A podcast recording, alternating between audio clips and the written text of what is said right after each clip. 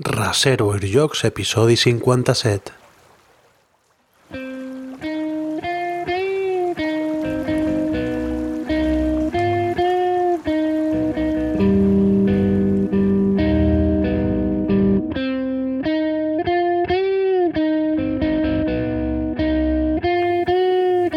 Avui, 6 de maig del 2016, hem vingut a parlar de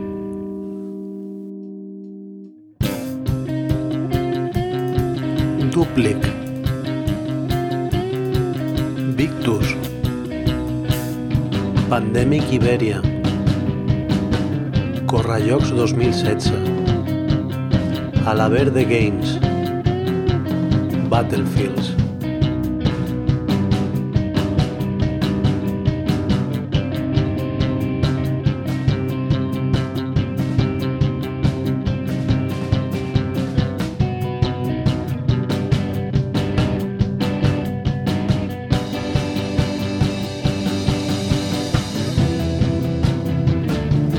Reservoir Jocs és un podcast en català sobre jocs de taula i cultura lúdica. Escolteu-nos a reservoirjocs.cat, iTunes o iVoox.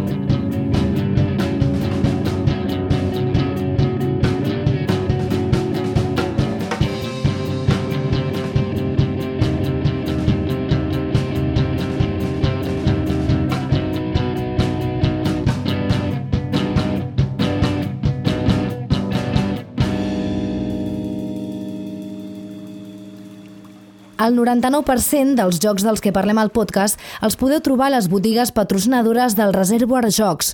Jugar per jugar a l'Avinguda Gaudí número 39 de Barcelona i Zigurat Jocs, al carrer Marconi número 2 de Castelldefels.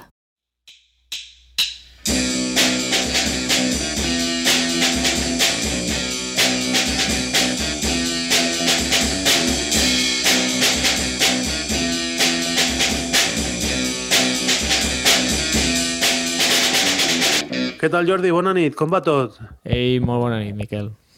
Com van els estudis? Res, res, anar apretant, estudiant. Ja va bé. Bueno, molts ànims. Has pogut jugar alguna cosa o què darrerament? Que va, que va. Porto tres setmanes sense jugar, pràcticament. Això no havia passat des de... Pff, no sé, des de fa anys.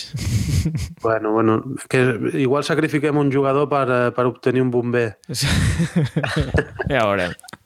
Bueno, a veure, a veure, molta sort. I, bueno, bé, parlem una mica de, de, del que tu... Bueno, de records, no? Perquè eh, el que tens així més fresc, jo parlaré una mica del Victus perquè estem preparant les, les partides prèvies per jugar al campionat de Granollers de Victus. Eh, jo no havia jugat i ara he jugat ja tres partides i ja puc eh, parlar una mica amb coneixement de causa, però, però tu què tal? Tu volies parlar d'un party, no?, que vas jugar fa un temps, però... Sí, fa un temps, però sobretot volia parlar-ne perquè crec que és un joc que està molt subestimat o, o, o no se'n parla suficient sobre parties, que és el Dupli, que és, per mi és el millor joc de, de dibuixar. I també per mi és el millor party, no tant que es parla ara del, del Código Secreto, no em sortia el nom, que és Sí, el millor, no sé què. Ostres, jo m'he rigut més... El Código Secreto m'encanta, eh? està molt bé. Però jo amb el que més m'he rigut així rotllo party i que, que més ambientat eh, tardes de joc és, és aquest, és el dúplic. A més, que és també caixa petita, és baratet, molt portable i, no sé, és un joc que m'encanta. Explico una mica com va o vols començar tu? Sí, sí, fes, fes. Sí? Bàsicament, eh, en el dúplic hi ha un jugador que fa com de narrador. Agafa una de les targetes, que hi ha uns dibuixos, que, ell nom que només ell pot veure, i llavors l'ha d'explicar a la resta dels jugadors i té un temps limitat. Els, les imatges sempre són super rares, com amb animals antropomòrfics, eh, jugant a escacs o estenent la... Bueno, coses molt, molt estranyes, i clar, pues en un, jo què sé, imagina't, en un minut has de començar a explicar pues hi ha una vaca que està en pantalons, està mirant cap a la dreta i està eh, jugant als escacs amb un conill i els dos estan asseguts i clar, imagina't això explicar-ho i després el pobre home que ho ha de dibuixar. Dibuixes tan ràpid com pots i bueno, al final el que passa és que surten uns dibuixos divertidíssims i com es puntua, com va el joc una mica? Això és, això és la base i un cop s'ha acabat el temps s'intercanvien els dibuixos i has de com puntuar. Hi ha com unes pistes que eren secretes per tothom i si les compleixes, doncs guanyes un punt o no. I pues això, qui fa més punts al final de la partida guanya. I ho de descriure És- es va és- tornant, eh? O sigui, ara tu ho fa un i després passa, passa el següent i ho ha d'acabar fent tothom. Sí, per exemple, suposo que si el dibuix ja, eh, per exemple, s'està estenent roba, eh, igual els punts és, si ha dibuixat, per exemple, les pinces, però això ho sap, ho sap el narrador? El que no, fa... no, clar, aquesta és la gràcia. El narrador ha de donar tantes pistes com pugui perquè ell no sap quines són les pistes que donen, que donen punts. Com, per exemple, això és un altre exemple molt típic, eh, dius, hi ha una, un home prenent el sol a la platja i hi ha el sol clar, hi ha el sol. I, i on el dibuixo? el sol a dalt, a dalt a l'esquerra, a dalt a la dreta, i pues, la gent el dibuixa. I de cop una pista era el sol està exactament a dalt a l'esquerra. I és un merda. I clar, la gràcia també, a l'hora de puntuar pel narrador, és una mica diferent, és una mica rotllo Dixit. És a dir, el narrador el que vol és que algú ho faci bé. Si algú l'encerta aquella pista, ell rep el punt. Però si ningú fa bé, eh, ell no rep el punt. Però clar, si ah. tothom ho fa bé, es queda com una mica igual. I hi ha una de les 10 pistes, hi ha 10 pistes, una de les 10 pistes compta triple, i allò, llavors, si tu descreus tot superbé i tothom ho fa perfecte, tu t'enduràs 10 punts i la resta de jugadors s'han d'endurar 12. Uh -huh. I és una mica el rotllo del narrador, no? que has d'explicar bé, però no molt bé. I els altres, bueno, pues, a dibuixar tot el que puguin i el més ràpid possible i clar, no et pots, si et diuen hi ha una vaca, no et pots allà a distreure, a dibuixar-li tota l'estaca, no sé què, fas una vaca esquemàticament, que normalment són rodones amb quatre pals, i, i bueno, i vas tirant. La veritat és que és molt divertit, jo m'he rigut moltíssim, no sé, i la pregunta típica que surt d'això és eh, es crema perquè si, si ja l'has jugat moltes vegades et saps els dibuixos, saps també les pistes que puntuen... Sí, evidentment. O... Eh, el, el joc en qüestió pf, venen, no ho sé, ara, ara ho hauré de dir de memòria, jo diria unes 30 o 40 cartolines que estan per les dues bandes. I normalment una banda és més difícil que l'altra. Jo crec vale. que costa cremar-lo, eh? Perquè clar, eh, una ronda, o sigui, si sou set, pues, es veuran, es descriuran set dibuixos. Per cremar-ne 80 o així, pues, li has de fer 12, 13 partides, i al més el que passa és que jo he jugat moltíssim i encara no he repetit, però clar, si algun dia repeteixo dic, bueno, però és que potser me'n recordo mínimament de què anava el dibuix, però el que no me'n recordo ni de broma són les pistes. El que puntuava, sí, sí. Clar, el, el bueno, que puntua pues, és que no te'n recordes. O sigui, si a mi em comença a explicar, hòstia, sí, hi havia un dibuix d'una poma, però igualment, tampoc és un joc que juguem cada divendres, o sigui, pues un cop de tant en tant, hòstia, treu el dupli, pum, i, i juguem. I sobretot amb gent que no és tan jugona. Nosaltres ja hi juguem molt de tant en tant, però eh, família o amics així no, que, no, que no li donen tant el tema, pues, pues juguem això i, no sé, funciona bé. A mi funciona bé, almenys. Això ho puc dir. Mm -hmm. Jo no sé si aquest joc crec que ha tingut diferents edicions. Eh, ara deies que era molt portàtil, una capsa petita, però jo mm, no sé si era el mateix joc o eh, es deia idèntic. Sí, sí, jo però... tinc l'idèntic. O sigui, jo me'l vaig comprar quan es deia idèntic i era una caixa tamanyo Catan, si no m'equivoco, sí? Clar, molt més Quadrada, gran, sí, sí, però ara... Però és que era, sí. era, era absurd, perquè clar, o sigui, jo és que a més el vaig comprar a la FNAC, aquest joc, perquè el, el van treure, valia 35 euros, no el va comprar ningú, i el van, i el van saltar a 13. I el vaig veure i dic, puf, cap a casa. I, i... A 13 està bé. Sí, sí, home, clar, està fantàstic. Però clar, obres la caixa i te n'adones que res, són això, 30 targetes, donen 4 o 5 llapisos, o uns quants llapisos, un rellotge de sorra, i bueno, sí, com una petita funda perquè fiquis el, el dibuix i que la resta de gent no mm -hmm. vegi el dibuix de darrere i el que està explicant el dibuix, o sigui, el narrador, no vegi les pistes que estan just a sota el dibuix. A una foto de la BGG ve veig com un dau. Pot ser que porti un dau també? Ah, clar. Per determinar aleatòriament quina és la pista que va al, al, al triple. Vale, o sigui, vale. que val 3 punts en lloc d'un. Correcte. Bueno, pues, eh, era el que, el que et comentava abans. Igual és com una evolució del Pictionary, tu dius que tu passes molt millor, que havies Home, estat jugador... Sí? No, o sigui, jo jugar al Pictionary o qualsevol party game d'aquests que, que té la part de dibuixar, sempre és una mica el mateix. Eh, agafes un paper i et surt, eh, jo què sé, làpid, i has de dibuixar un làpid. Bueno, un làpid és una mica fàcil, però sempre és jo tinc una paraula secreta i els he de dibuixar i el que els altres ho entenguin. I estàs com mm, dibuixant i subratllant i tal. Aquest és, és molt diferent, no té res a veure. S'ha de dibuixar, però és que no, no té res a veure. I a més, el que m'agrada molt, que qui dibuixa bé no té avantatge o sigui, si Això algú no dibuixa molt bé, mm, bueno, pues no donen punts extras perquè sigui maco el teu dibuix. El rius més o menys, eh? Però el tema és que compleixin les pistes i sempre són coses molt, molt esquemàtiques, com l'animal porta una camisa que té exactament tres botons i si algú n'ha ficat quatre o dos, doncs malament però ja podia ser la camisa més bonica del món que si no ha ficat els botons que tocaven, doncs no, no t'endús al punt. Doncs eh, una recomanació. No sé, sí. no sé a quin preu sortirà ara la capsa petita. Eh, la, de, la el que... vaig comprar per regalar... Pff, diria que estava a 20 euros. Bueno, 20 euros o, ja és un preu o, bo. O, fins i tot menys, eh? És que, és que està molt bé de preu, per això el vam regalar. A veure Mhm. si... I jo- Ara ho miraré. El prefereixo així, amb caixa petita, que no amb la a caixa Catan, eh? La caixa pràcticament la pots llançar perquè et ve una bosseta. És tamanyó... Quin és aquest joc tan... El Time's Up, O el Jungle Speed, o el que ve amb Jungle la bossa i el pots... Ve la caixa Sí. una mica de nyigui-nyogui i a dintre està tot en una bosseta, ho fiques a la bosseta i, i allò no ocupa, no, ocupa, no ocupa res. Doncs a una tenda online, 18 euros, que m'imagino que té un 10% de descompte, és a dir, a botigues el trobareu a 20, no? 19,90, 19,95, sí, sí, sí. Però està superbé, eh? O sigui, per 20 euros Sí, teniu sí, sí. hores i hores de, de, de plorar de riure. Garantit. I això, la gràcia d'aquests jocs és, és guardar els dibuixos i Oh, sí, sí. de 20 anys veure... Hòstia, mira què fèiem. Jo els guardo tots. I, o sigui, I el meu, la meva caixa està que, que ja no tanca des de, des de fa temps perquè tinc tots els dibuixos guardats. Bueno, bueno. M'encanta, m'encanta. I això Està molt. és divertidíssim, eh? Rememorar els dibuixos és brutal. Mhm. Jo, del que he jugat eh, darrerament, mira, he jugat un joc dels teus amics, el Lorenzo Tucci Sorrentino i el Lorenzo Silva i Hombre, l'altre, que els són els amics. del Horse Fever. Sí, sí, de tota la vida. Jo estava pensant, amics italians? Sí, vale. Sí. els del Horse Fever. que és que no els coneixia de res i resulta que també són els eh, creadors del Steam Park i, Ah, i sí. bueno, que és el que va jugar i també el Dungeon Fighter i tenen alguns així coneguts i tal i vaig jugar fa poc al Steam Park eh, un joc de daus molt divertit però bueno, d'aquest faré segurament secció a la ràdio Ahà. i no comentaré mm, res més sí que vull comentar de, del Victus de, Home, home, de, la, Estem aquí esperant de, de tantes partides, tanta estratègia i comentar i tot.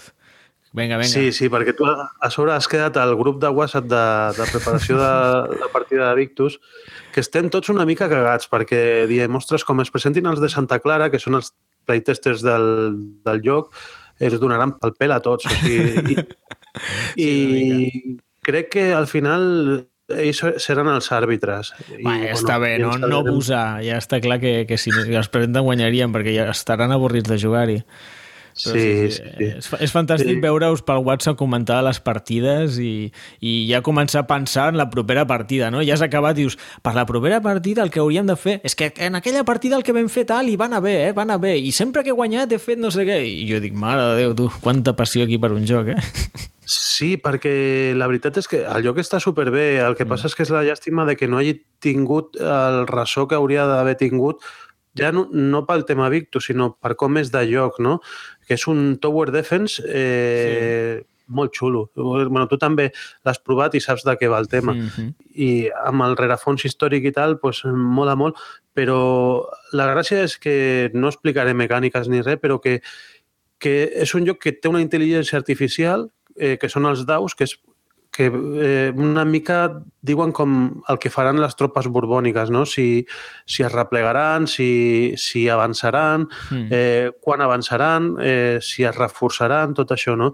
Són uns daus que els has de tirar sí o sí a cada torn i, i fan coses. I això és el joc que és una putada en si mateixa perquè sempre passen coses que no vols que passin.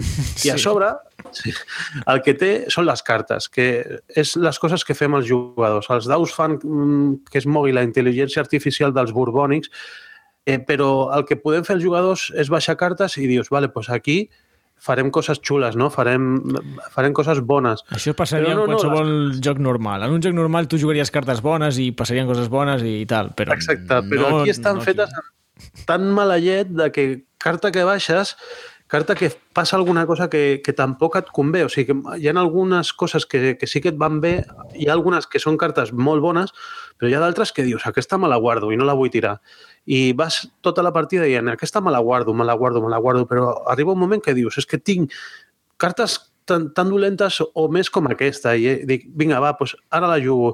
I és eh, el que comentàvem abans fora de micros, que l'has de jugar en un moment que, que no faci mal o coordinada amb, amb situacions del joc, que sigui el més inocua possible aquella carta, no? I, i, ostres, és, és, és brillant. El joc, la, la resolució i l'execució de, del joc per part del Toni Serra de Sant Fer amb els seus testes eh, que ha tingut. Eh, és que, i cada partida que hem jugat, jo he jugat tres, les dues primeres partides les vaig perdre i la tercera vaig guanyar i van fer molts punts, perquè també ara estem comptant els punts perquè el campionat va per punts, i van fer 114 punts, que ningú s'ho creia, perquè els altres sí que havien jugat i havien guanyat més partides, però el seu rècord estava en 99 punts. I vam dir, segur, que 114. Trampa, segur que va fer trampa, per alguna banda. No, després revisàvem, hem fet alguna cosa malament tal, i es veu que vam jugar bé, o sigui, però, però va sortir bastant rodona la partida.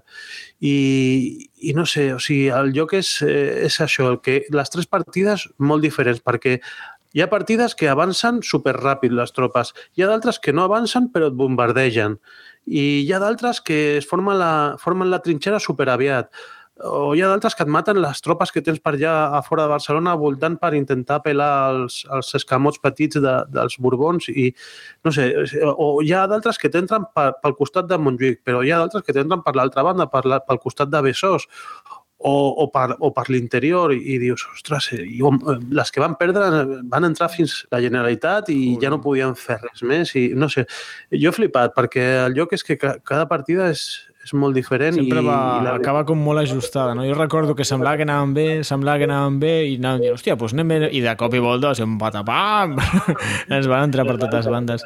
Sí, sí, sí, no, és que... Ni tan sols recordo si vam guanyar, eh? perquè va ser tan, tan desastrós, va ser, mare de Déu, si... crec que vam guanyar, però del pal. Si tirem un dau i surt això, això, això, això i això, perdem. Però si surt això, això, això, guanyem. I just va sortir el que tocava pues, eh, jugant a puntuar també eh, t'has de coordinar una mica perquè les cartes tenen mm, punts de seny i punts de rauxa. Normalment les cartes de rauxa són les més dolentes i les cartes de seny, ja ho diu la pròpia paraula, són les que més t'ajuden a tu. Mm.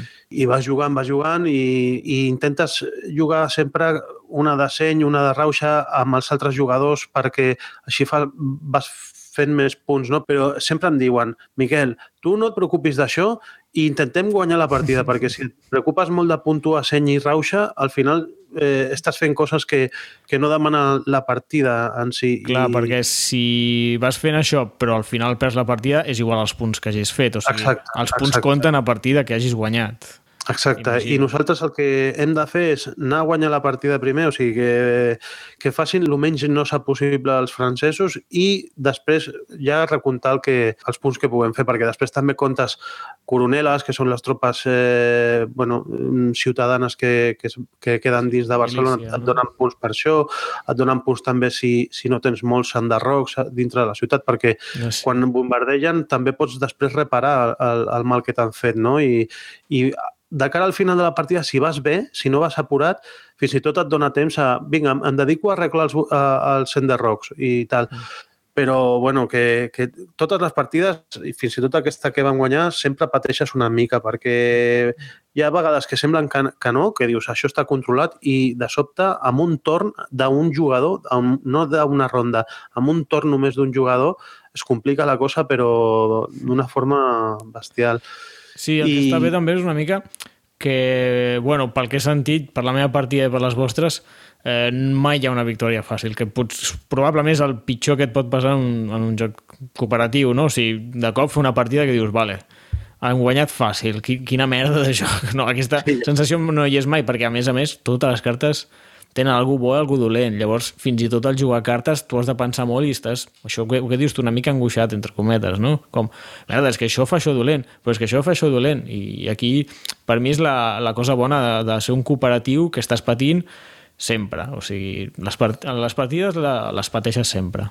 Sí, després les piles de cartes, perquè hi ha cartes per les tres fases. La primera és Popoli, la segona Berwick, i la tercera és assalts eh, i després es juga l'11 de setembre, però cada, hi ha una pila de cartes bastant gran i això també fa que hi hagi rejugabilitat, perquè en una partida surten molt poquetes cartes de cada fase, però, però això et fa que, que cada partida, cada fase sigui diferent. L'altre dia, la, a la tercera que jo vaig jugar, que amb la gent que vaig jugar ja havia jugat unes quantes, eh, un que també es diu Jordi va dir mira, és la primera vegada que surt eh, aquest personatge al Bastida. I clar, està allà, però si mai has tingut la sort de que t'ha quedat entre les primeres, que són les que robem, eh, no el veus, no? I això també és una cosa que té bona al lloc, que, que a part de, de que en si mateix el joc et genera partides molt diferents, eh, també la varietat de cartes que tens fa que a vegades et surtin coses que no havies vist mai, no? I una de les tasques que tinc pendents que he de fer d'aquí a demà eh, és eh, anar llegint-me una mica totes les cartes perquè les que em surtin al campionat eh, les conegui una mica. Que no et pilli per sorpresa cap carta, pel merda, què és això? Exacte, i que pugui almenys valorar o intuir prèviament com afectaria a una situació real de lloc, no? I dir, ostres, doncs aquesta jo la jugaria si la cosa estigués així o això. Clar, I... clar. Esteu a tope, eh, aquí amb el campionat, llegint les cartes i tot, entrenant eh... al grup del WhatsApp, mare de Déu. És molt immersiu, no? ho han aconseguit. El que, el, la pena que em queda a mi és que això, si hagués tingut més... Eh, no sé, més eh, tirada mediàtica o si s'hagués fet, no sé, ja si és culpa d'una edició en castellà, igual la gent l'estaria jugant més i, i el valoraria més, perquè el joc és boníssim i, clar, el que el passa és que l'estem jugant la comunitat catalana. Ah, però també és lògic, el joc està en català, vull dir... Sí, sí, sí, però que em sap molt greu pel pobre Toni, perquè ha fet un joc d'aquells de, de, que dius eh, xapó i no, no l'està valorant a lo millor mm, tota la comunitat que podria gaudir d'aquest tipus de lloc, saps? Bueno, que... però el, el temps el posarà al seu lloc, vull dir, això, si, si està tan bé, si, si es continua com s'està fent, no? que se'n parla bé del joc, acabarà sortint una edició espanyola i, o anglesa i ja, i ja se'n parlarà més, vull dir... Bueno, és una sensació que a mi em dóna. Perquè si un jo joc havia... està molt bé, algun interessat, alguna editorial sortirà, escolta, aquest joc he sentit que està molt bé. Parlem-ne, no? Mi, no sé. El que m'agradaria que passés és que els drets del Victus els acabin venent per fer una peli i una peli que sigui bastant gran i que aleshores eh, per la peli que igual fins i tot diuen o he escoltat que la volen fer a, lo gran, o sigui, que si no la fan a Hollywood, que no la fan. O sigui, i si, i si tira per aquesta via, perquè ja també a, a la següent novel·la crec que el Martí Zubiria se'n va a Amèrica i ensenya als, als indis d'allà també tècniques de, d'incursió i, de, i, de, i de guerrilla pràcticament a l'europea, no?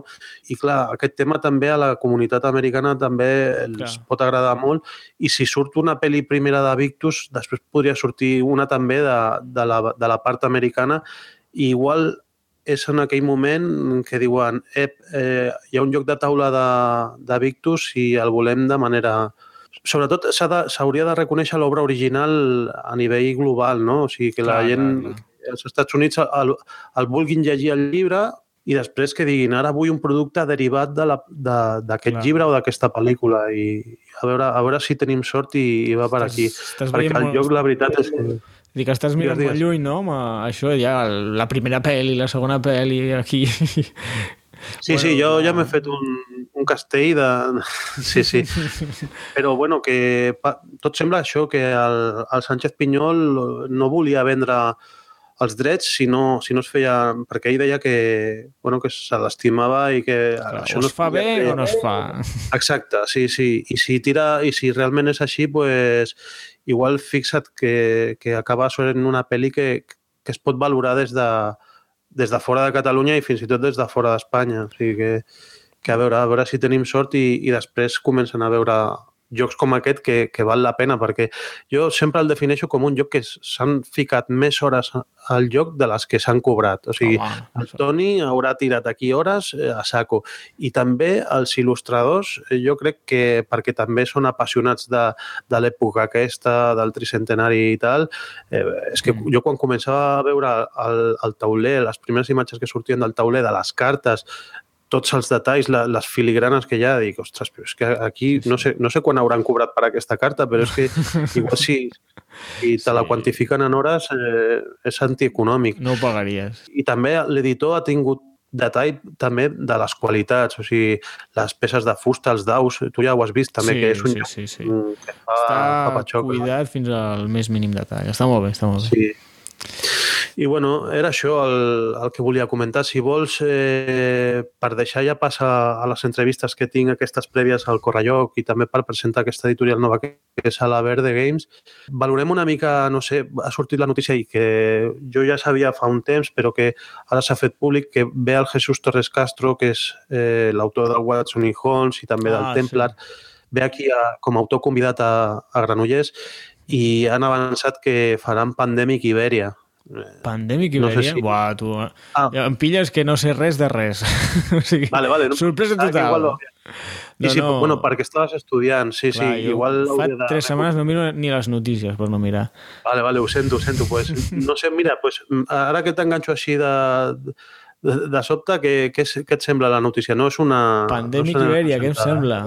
Sí, sí, Però sí. no serà Legacy. Té, té pinta de que no serà Legacy. Oh. No, pues, a veure, mm, en certa part se'm fa com estrany, no? Perquè dius, què, canviaràs només el mapa i ja està, vull dir, has de ficar noves regles, no? O coses noves, vull dir... Mira, jo el que estic llegint a la a Board Game Geek ja ha sortit la, la portada de Setaman, eh? i suposo que també sortirà Via de Vir, espero. Sí. Eh, diu que està situat al 1848 aquí a, Espanya, a la península Ibèrica, i que té també temes de, de construcció de, de ferrocarrils. Ah, O sigui que Jolín. barregen el tema de, de, de la pandèmia, perquè, perquè el tema est- eh, sempre és la pandèmia, però eh, li han donat un rerefons històric i també que suposo que, que al mapa has de, has de construir pues, diferents vies de, de comunicació que igual al, al pandèmic normal Bueno, ja tens. O sigui, sí. si vols moure d'un lloc a un altre...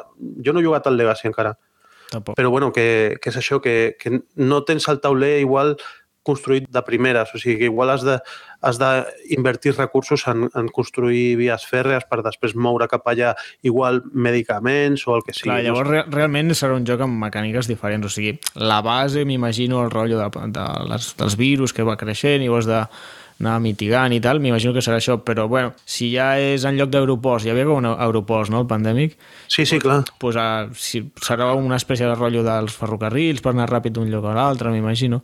Bueno, sembla, sona interessant. O sigui, jo, com Sí, més sí. jocs, millor, eh? O sigui, no...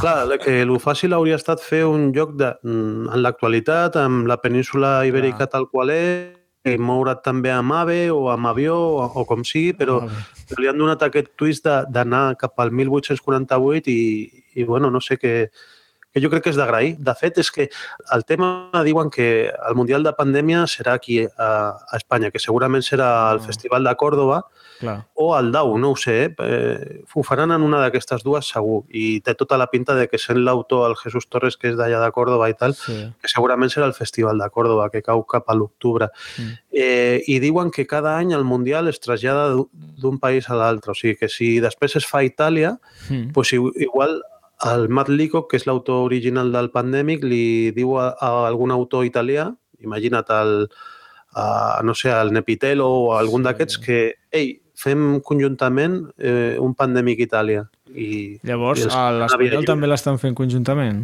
Sí, sí, el, el Vale. Pandèmic Ibèria surt, eh, els dos autors que són són Jesús Torres Castro i Matt Leacock. Que grande. És com una, com una col·laboració, o sigui. Sí. Ei, eh, el Matt Leacock suposo que per desconeixement de la realitat històrica o, o, o, real del país o el que sigui, sempre eh, es recolza en un autor local de- d'allà on es faci el Mundial de, de Pandèmia. I si Bueno. això tira, doncs tindrem pandèmies igual de diferents països. Però, eh, això t'anava a dir, és, és, la, és la primera pandèmia així d'un país? Que jo sàpiga, sí. Perquè, Sí, sí. Clar, no, no ho havia sentit mai, jo almenys. Sí, sí, jo crec que això és bastant nou. O sigui, ara eh, hem començat per aquí, pandèmia, pandèmic Ibèria, però suposo que en el proper any, en el 2017, allà on caigui el Mundial, doncs es farà un altre lloc. Aquesta és la idea, que és bona després eh, continuï. Si igual si la gent ja està farta de pandèmia, o si surt el Pandemic Legacy, si són xu, que la gent també estarà boja per jugar-ho, doncs... Eh, Sí, dic, eh, m'imagino que el fet de fer-ho amb un autor de la zona també és una mica màrqueting, no? Perquè pues, normalment eh, tires una mica pues, els espanyols pues, volen comprar jocs espanyols, no sé què, pues, a part d'ajudar-lo amb els temes històrics i tal, m'imagino que també ajudarà a vendre més si a més de l'autor original l'ha fet un autor de, de la mateixa terra d'on vols fer el joc, imagino, eh? Sí, sí, jo crec que sí. El que passa és que pot triar, o sigui, podia triar i jo que sé, ha caigut en el Jesús Torres Castro. Suposo que també igual per les connexions que han tingut via Festival de Córdoba, perquè mm. també el Matt Leacock eh, crec que el van convidar a l'últim festival de Córdoba i, i allà igual van començar a teixir el, el contacte i tal però bueno, jo penso que està molt ben triat perquè, no sé, ara un dels meus jocs favorits és el, el Watson i Holmes, que sí? està també del Jesús Torres Castro, mm i ho està petant. O sigui, l'ha llicenciat per Istari i sortirà a nivell internacional també. O sigui que, que estava una mica de tapadillo, tothom parlava d'altres autors a nivell estatal i resulta que... De volta, pum!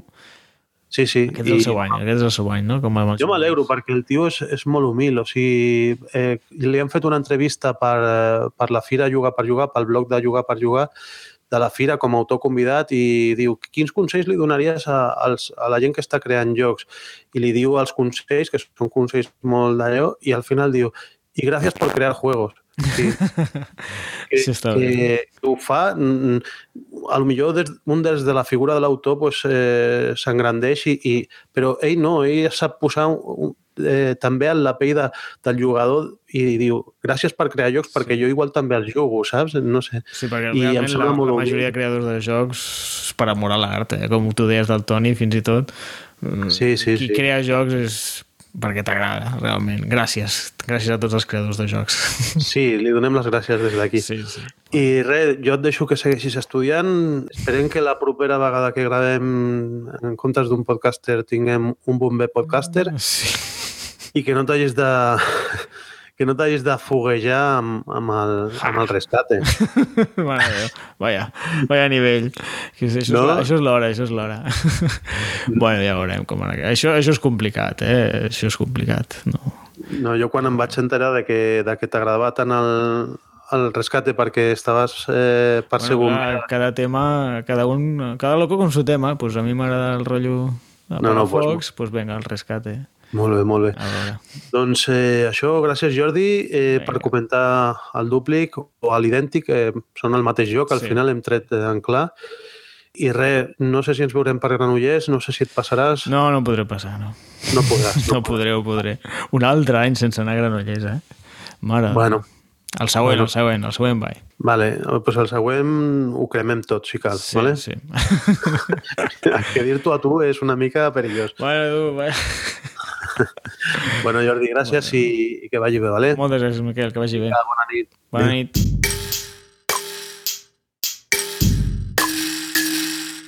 Estic amb el Dani Garcia, que és el, el president del Club Amatent, i parlarem una mica del, del proper Correllocs, perquè està aquí, primer vindrà Granollers, però heu de saber que després de Granollers eh, tenim una altra cita lúdica, que és el Correllocs a Sant Vicenç dels Horts. Què tal, Dani? Hola, bona tarda, què tal? Ets president, eh, no sé si ja des de l'anterior Correllocs no eres president, eres membre del Club Amatent i ara ets nou president no, de la Junta? Eh, sí, en l'anterior Correllocs encara no, no era membre de la Junta. Sí, ha sigut ara organitzant aquest que ho he fet com a president i, i bueno, com a membre eh, la gent igual li sona la teva veu perquè van fer una entrevista de, de quan va ser campió d'Espanya de Carcassonne. Ja han passat els anys, eh, t'han anat rellevant i justament eh, una de les persones que va revalidar el títol va ser també la, la teva germana i ara mateix eh, la, fa, la família Garcia no té el títol de, de campió de Carcassonne, no? No, ara, ara mateix no. El campió nacional eh, ara mateix és eh, l'Àlex Miras, que és un noi de Girona, o sigui que també està per aquí a prop. Bueno, tot queda més o menys a casa. Parlem de... Hem dit que hi ha hagut un canvi de junta. També hi han hagut canvis en el, en el Correllocs, que és com el buc insígnia de, del Club Amateur com, com a jornada? No ha canviat substancialment de, de format ni les activitats que farem. Que sí que ha canviat és potser que et vinguin unes associacions, unes altres, o, o fem unes coses o, o altres, però eh, bàsicament és el mateix que cada any. Dels campionats que acostumeu a tenir, teniu, eh, suposo que Carcassonne, perquè eh, us l'estimeu, perquè justament tu ets jugador i al, al club tenim molts jugadors de Carcassonne, però què, què tenim més i com, com els explicaries? El, el que podrà venir la gent a jugar en format campionat. Hem decidit aquest any, coincidint amb la, amb la data, que és el 14 i el 15 de maig, com encara estem en, en temps de classificació per al nacional, hem decidit fer el torneig de Carcassonne i de Catan doncs, en el Correllocs. En altres anys ho hem fet per separat, eh, dies diferents, com en, en alguna sessió o, o fent exclusivament el torneig, però aquest any ho fiquem tot dintre del marc del Correllocs. Respecte al torneig de, de Carcassonne, aquest any hem parlat amb De Vir i ens han donat el títol honorífic de, de, de Campionat Nacional de Catalunya. I llavors eh, que sapigueu que el torneig de, de Carcassonne serà també el, el Nacional de Català. Sí que és veritat que és un títol honorífic, que no, no té eh, valor ni té un premi com guanyar un, un nacional, però bé, també es juga els tornejos per, per l'honor i la glòria. També farem un torneig classificatori de, de Rally Ras, eh, de Darvel. Aquest torneig, diguem-ne que els participants, la millor puntuació de Correllocs passarà a lluitar amb altres esdeveniments que es facin arreu d'Espanya per al títol nacional de, de Rally Ras. Vull dir que el que participi a aquest torneig podria arribar a ser campió d'Espanya de, de Rally Ras fem eh, més tornejos, fem eh, diumenge per la tarda farem de, de Guerra de Mitos, fem dos tornejos infantils, Cocoricó i un altre de, de l'Aviador Loco, perquè també els nens eh, disfrutin, perquè sempre fem torneig per adults, però mai pensem que els nens també poden tenir aquesta il·lusió per participar, per competir, i bueno, doncs hem decidit fer dos tornejos facilets i que puguin també fer-ho. I tenim un torneig de flics, però és un torneig més espontani, que estàs per allà i es vols eh, participar, doncs podràs fer-ho. De fet, eh, hem decidit que tots els tornejos es pugui fer una preinscripció però també puguis anar i en el mateix dia apuntar-te. Dius que és un joc de flicking, que és d'això de donar-li amb el dit a unes peces tipus xapes, i el joc quin és? Tenim diverses possibilitats. Tenim el, el pitch car, tenim croquinole, tenim pass trap, encara que no seria un flick eh, pròpiament dit. També tenim el flick em up, farem o una combinació de jocs o algun joc en concret d'aquests. Doncs eh, ja sabeu, si li voleu donar canya al dit, eh, tindreu aquests eh, tornejos de, que prepara el Club Amatent i canvi d'ubicació. Això sí que és important perquè el primer correjocs es va fer a, al pavelló de Sant Miquel, crec que es deia, que és aquell que està molt cèntric.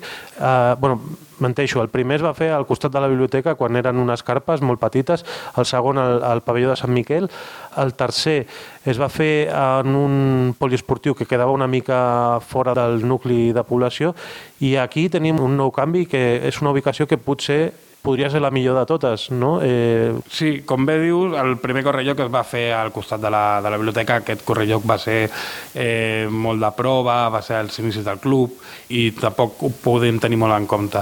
El segon correlloc sí que és veritat que es va fer al pavelló de Sant Miquel, que ara s'anomena Francesc Macià, i la veritat és que com a l'estat tan cèntric, doncs la gent es va engrescar, ho va veure, va participar. I el tercer vam tenir el problema de la ubicació, que estava una mica allunyat les dates potser també ens van fer que, que l'assistència no fos l'esperada. Però aquest any provarem amb una escola, una escola que es diu Joan Juncadella, que està situada a la carretera de Sant Boi, just al costat de, del CAP i, i de la Bailet, que és el centre comercial de Sant Vicenç. La ubicació pensem que està molt bé, perquè per la gent que va de fora, eh, ja sigui en tren, en, en bus o amb cotxe, doncs té una ubicació on conflueixen tots els, els transports perquè si tu ves en cotxe pots aparcar, tens molt d'aparcament, ja sigui al costat de l'escola o, de, o del centre comercial.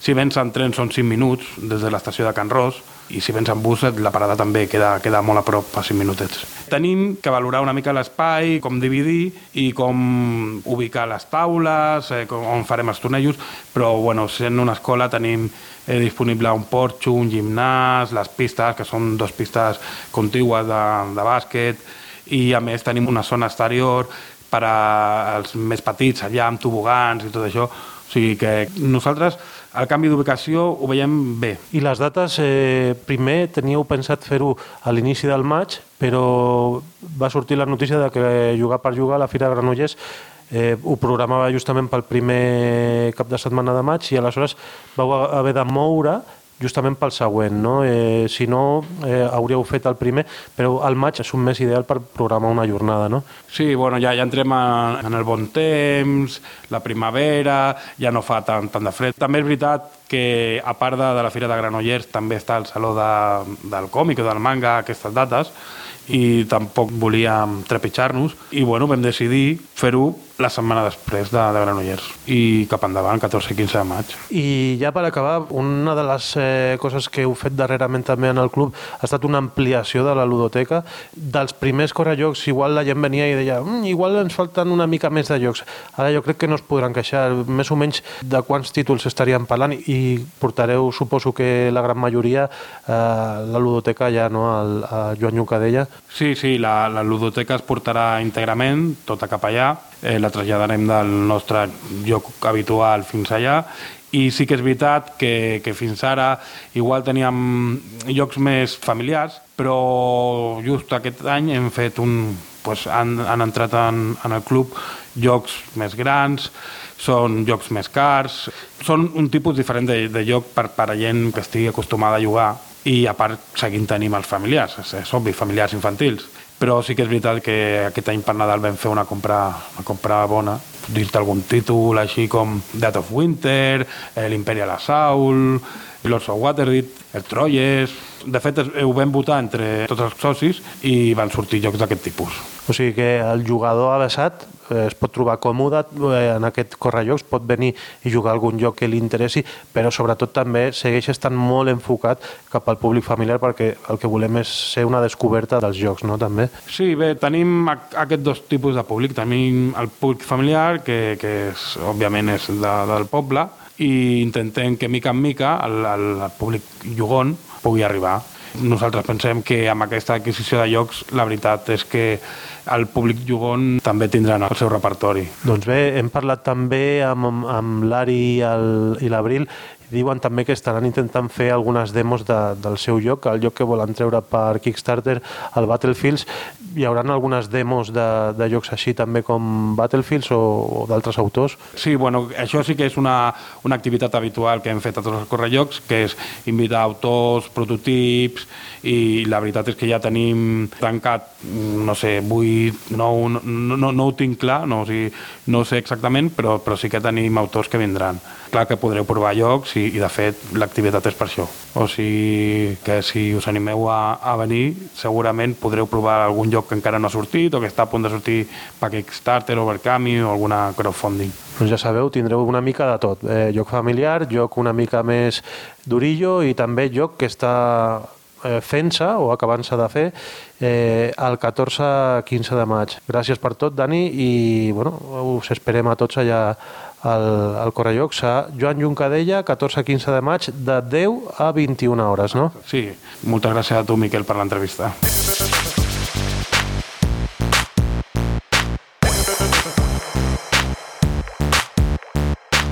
Avui ens han visitat uns amics que són coneguts del, del Club Amatent, que són uh, l'Abril i l'Ari, que ells tenen la idea de muntar una editorial, ja ho tenen bastant apamat, Eh, I bueno, l'editorial es diu o es dirà a la Verde Games. Primer de tot, com, com s'us va ocórrer aquesta idea i, i com us vau conèixer per iniciar aquesta aventura de muntar empresa?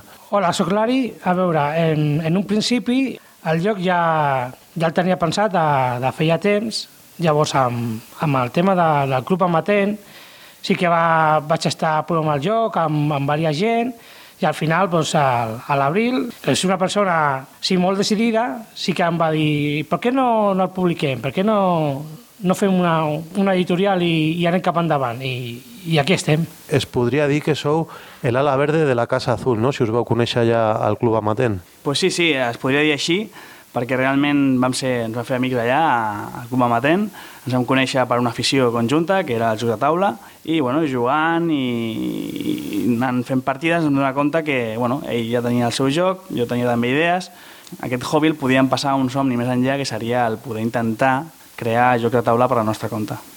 I bueno, ja veig aquí que heu portat el prototip. És un joc de cartes sobre temàtica bèl·lica. I veig el logotip i el logotip és, està força bé. És un dau amb un casc de color verd i el nom de la Verde i el logo com l'heu creat? El nom és una antiga idea que jo, te, que jo tenia de, de fa molt de temps, que és tenir una empresa que es deia A la Verde, a raó de que jo llegia alguns llibres on sortia una temàtica així. El logo sí que va agafar una dinàmica diferent, Bueno, això va ser idea més d'Abril, si, si la pots explicar... No, igual, però bueno, sí, sí. A mi em va explicar ell que tenia una idea aquesta de, de l'empresa amb, el, amb el nom aquest. A mi em va semblar perfecte perquè nosaltres quan juguem a jocs de taula sempre ens barallem per agafar el color verd i va ser un, onda, mira, la vale, el verde, el meu color preferit, el seu també, sempre ens barallem, doncs mira, una cosa més a tindre en comú. I lo del DAO, bueno, lo, de, bueno, lo del DAO, lo del logo, eh, vam estar pensant, vam tindre moltes idees diferents, vam pensar si fer una ala verde que va ser l'inici, i bueno, així, diferents simbologies, no? Però al final vam dir, ostres, el que ha de sortir és un dau o alguna cosa que faci referència a un joc de taula.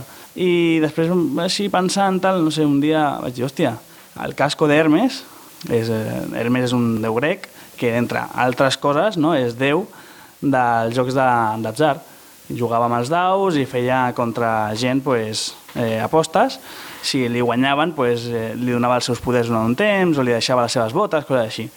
I com és una cosa que dèiem, pues mira, té relació amb els jocs i tal, pues, per què no fem el casc d'Hermes, que té una ala verde, de color verd, i en canvi de ficar una cara, pues, fiquem un dau, un dau amb casc i l'ala verda. De... Que també, com a simbologia, eh, Hermes és el déu més ràpid, el que va per tot arreu, el que arriba a totes les parts del món, volant, doncs per què no, d'una forma globalitzada, intentar fer arribar la nostra editorial a molts jocs amb aquestes ales verdes. I la producció del logotip heu tirat d'un recurs que ho compartiu també per la gent que estigui buscant fent logos de forma econòmica, que tingui una idea més o menys avançada. Eh, per on l'heu tret, això? Vam estar en, en un curs a Barcelona Activa doncs, sobre crowdfunding i allà mateix va sortir la, la proposta de buscar jocs alternatius on, on financiar-te o buscar serveis. I una d'aquestes pàgines serà Fiverr. Fiverr és una pàgina on tu pots buscar un servei eh, de forma globalitzada a tot el món i normalment molt, molt barat. I normalment és per 5, 5 euros eh, pots trobar serveis de, tot, de tots els tipus. Un d'ells era, doncs, et faig un logo per 5 euros. Llavors, com nosaltres ja teníem molt clar la idea que nosaltres teníem, vam contactar amb, amb una persona que era de Sri Lanka, i li van dir, mira, nosaltres la idea que teníem és, és aquesta, van agafar dues imatges d'internet de forma molt, molt cutre i la vam posar juntes i li vam enviar. Llavors ell ens va eh, tornar un logo, que és el logo que, que ara tenim que és, les dues imatges aquestes són el casc i el dau i, i bueno, el resultat és, eh, està força bé, la veritat. Heu aprofitat aquestes oportunitats que dona la globalització i també heu fet el primer joc vostre, que és el Battlefields, eh, també amb una idea global, perquè de les plataformes de crowdfunding voleu picar fort i, i anar directament a, a Kickstarter, suposo que per arribar encara més lluny, si pogués ser, no?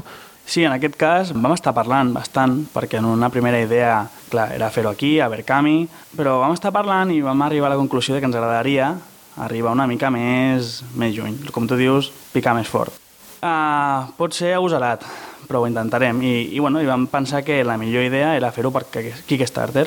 Pel fet de fer-ho per Kickstarter també vam fer modificacions al nostre joc. Vam intentar eh, fer un joc que, que no tingués res escrit, per tant, no teníem que fer canvis d'idiomes ni res a les cartes i poder donar normes a tots els idiomes i també és una manera d'intentar arribar a tot arreu.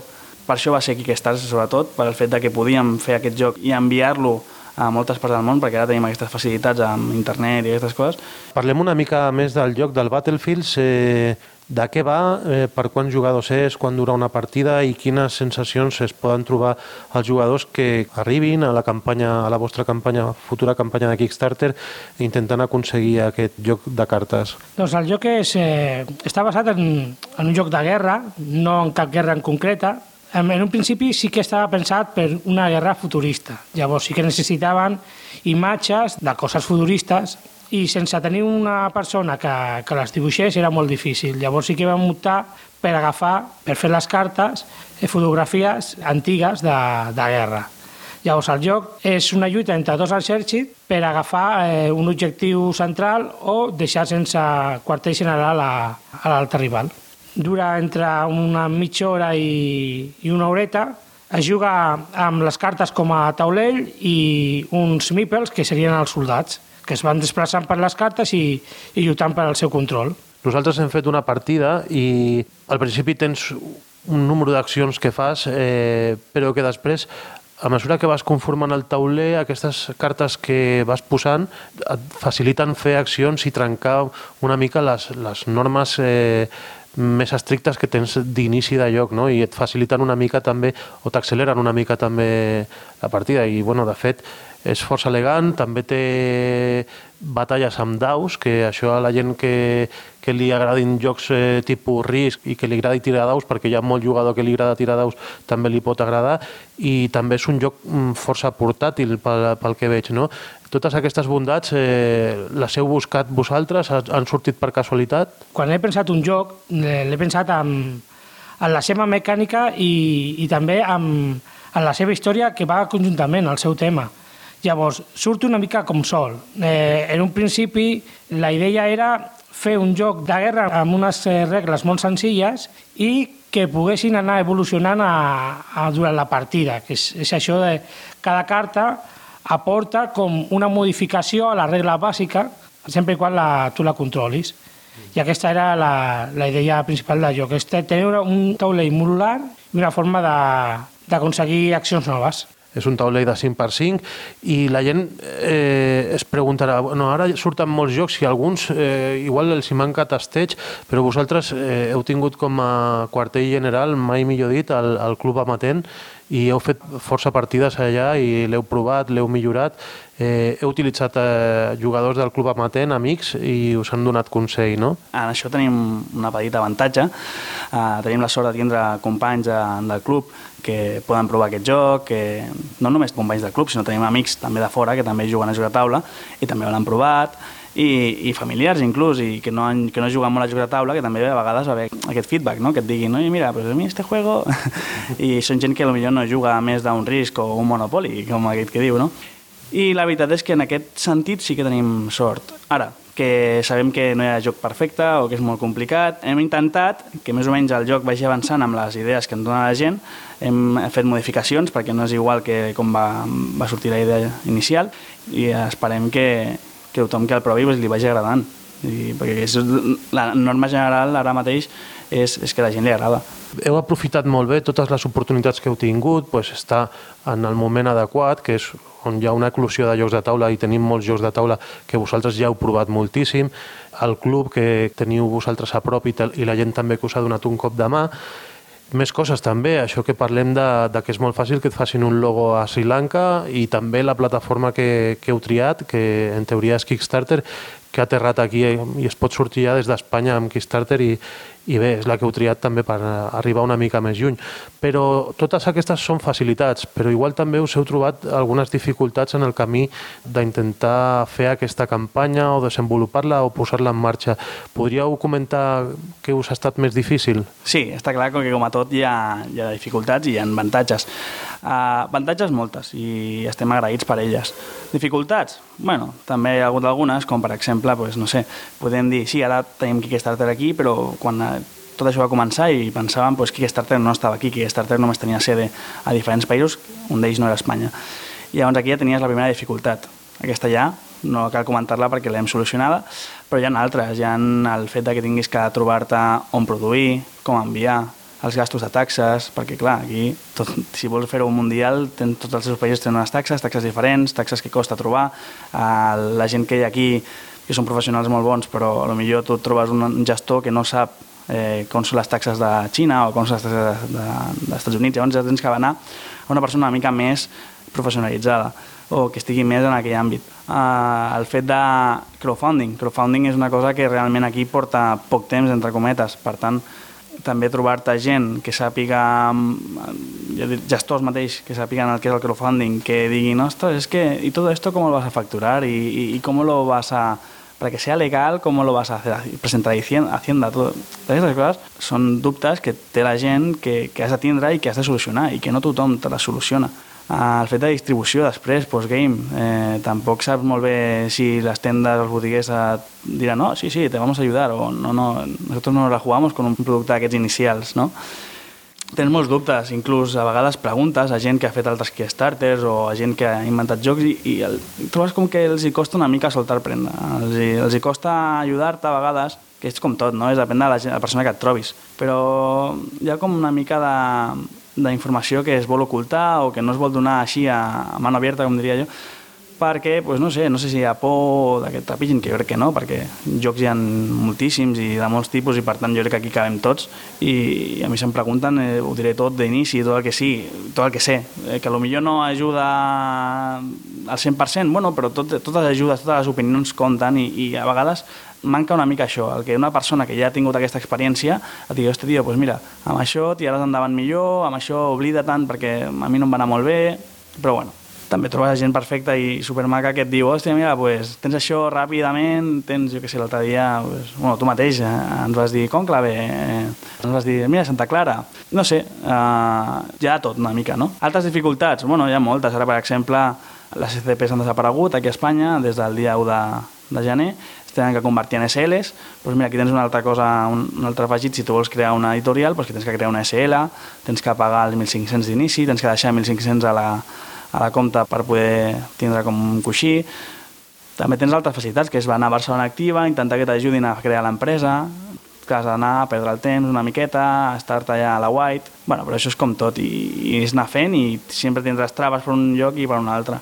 A Starter la gent està molt acostumada a pagar gastos d'envio, intentes fer una mica més, bar més barat i dius, ostres, és que com ho faig aquí a Espanya, la crea a Espanya, mm, no puc arribar a aquells preus i tinc que anar a crear a Xina, que dius, ostres, però et trobes amb dificultats que tens que anar solventant, que potser no tot és com t'agradaria, perquè a mi ens agradaria, crec que a nosaltres dos, fer un joc molt barat, que, que a tothom pogués arribar, que tothom pogués tindre'l, però després, i que ningú tingués que pagar gastos d'envio, però, però eh, després és una realitat que, que dius és que no puc fer-ho aquest preu que vull fer-ho perquè és que no perdo diners i una cosa és tindre la il·lusió i una altra cosa és perdre diners. Fins i tot heu dit que va anar un curs de, de, de crowdfunding. Eh, això on va ser i, i què us van aconsellar?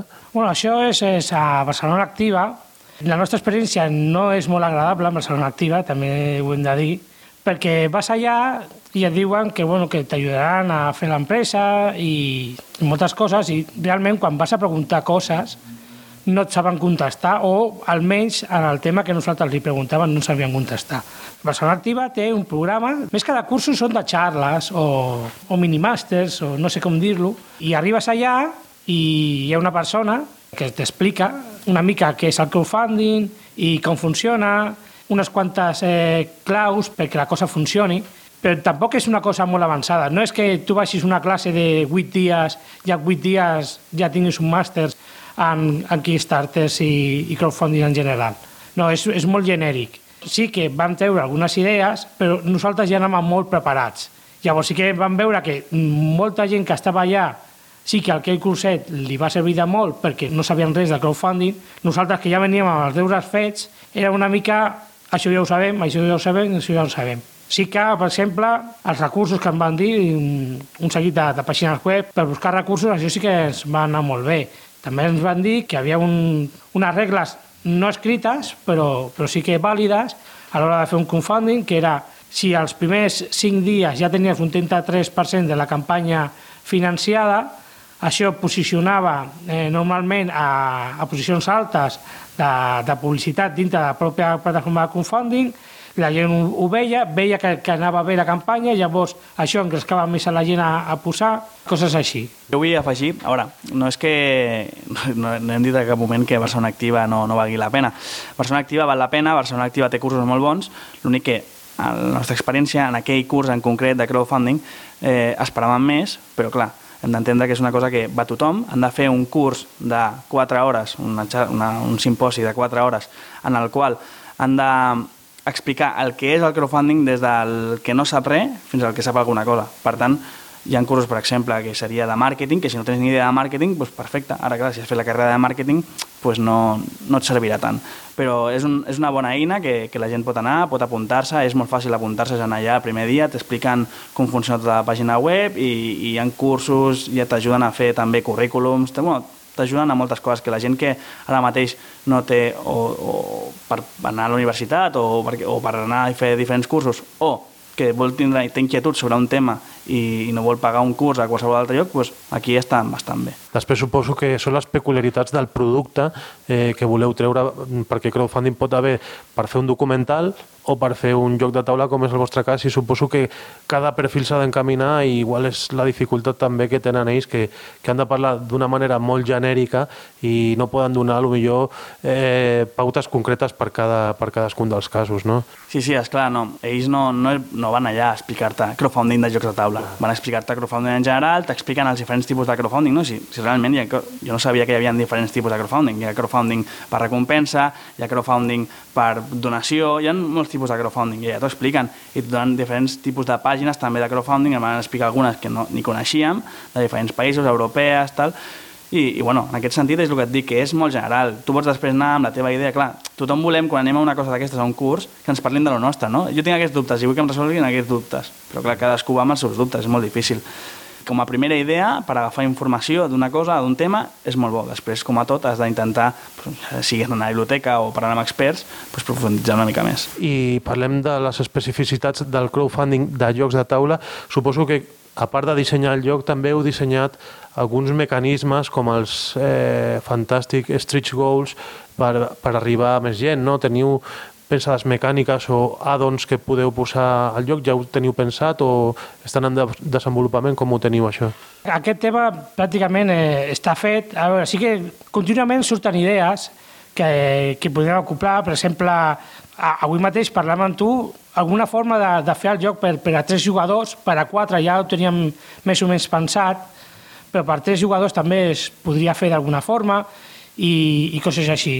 Després tenim cartes eh, que no anirien directament al joc i que després amb el crowdfunding s'anirien desbloquejant i customització de, de peces, per exemple, els daus, de, de ser un daus normals a, a ser un daus específicament per al nostre joc, amb, amb símbols dintre, dintre del dau i coses així, sí, sí que estan pensats. He vist unes cartes que teniu preparades que són els generals, que la gent igual podria ficar la seva cara si, si volgués ser un d'aquests generals que seria com un afegit no, al joc. No, nosaltres, la primera idea, per exemple, era què afegim com a, com a don, no? què, què afegim? És difícil pensar-ho, perquè moltes vegades la persona que al final rep el joc pot pensar no, és que esto ya estaba en el juego, lo han quitado y lo ponen como add-on para sacar más dinero. No, nosaltres teníem un joc inicial i a partir d'aquest joc inicial vam pensar, podríem fer més cartes, més cartes. I clar, tot això, a nosaltres ens encantaria donar totes les primeres cartes i dir, ara tots els addons que tenim pensats no són addons, no és, joc bàsic. Uh -huh. Llavors tindrem que pensar després més addons, perquè tothom vol addons. Llavors és un, és un peix que, no, que, que es mossega la cua, no? que no acaba mai. Però tots sabem que hi ha unes planxes, que hi ha unes quantitats de cartes, que hi ha uns diners per allà, que s'han de complir. Per tant, nosaltres vam pensar una manera diguéssim, barata a tindre el lloc que podríem fer-ho nosaltres mateixos i dir, oye, mira, pues lo vendemos a tanto precio i no cal ni Kickstarter. Però el Kickstarter té la gràcia d'això, té la gràcia de que poder anar millorant el teu lloc, de tindre la il·lusió de que quanta més gent li agradi el teu joc, més pots millorar-lo i més pots donar un producte final, perquè serà un producte final, millor del que havies pensat inicialment. El dels que acaba de comentar l'Ari lo de tindre uns mèpels en canvi de tindre cubets, de, eh, peces de fusta sense cap tipus de representació.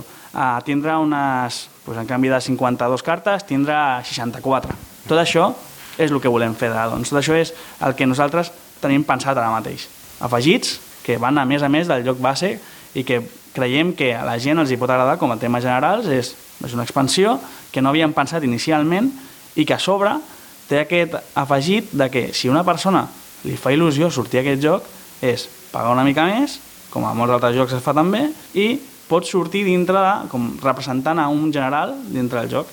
I això no deixa de ser màrqueting, intentar agradar al comprador final donant, com diguéssim, unes coses que si ja siguin exclusives o no, perquè també és un tema molt, molt recurrent, no? el Kickstarter, l'exclusivitat, el fet de jo faig una don que per què me voy a comprar el juego ahora si después cuando salga en tienda saldrá con todo esto? Bueno, és un tema difícil, és un tema difícil perquè fer coses exclusives també té uns gastos exclusius, diguéssim. I no em vull justificar el fet de dir no, és que no tenim nada exclusiu. No, sí, potser sí que ho fem, bé, tot vindrà.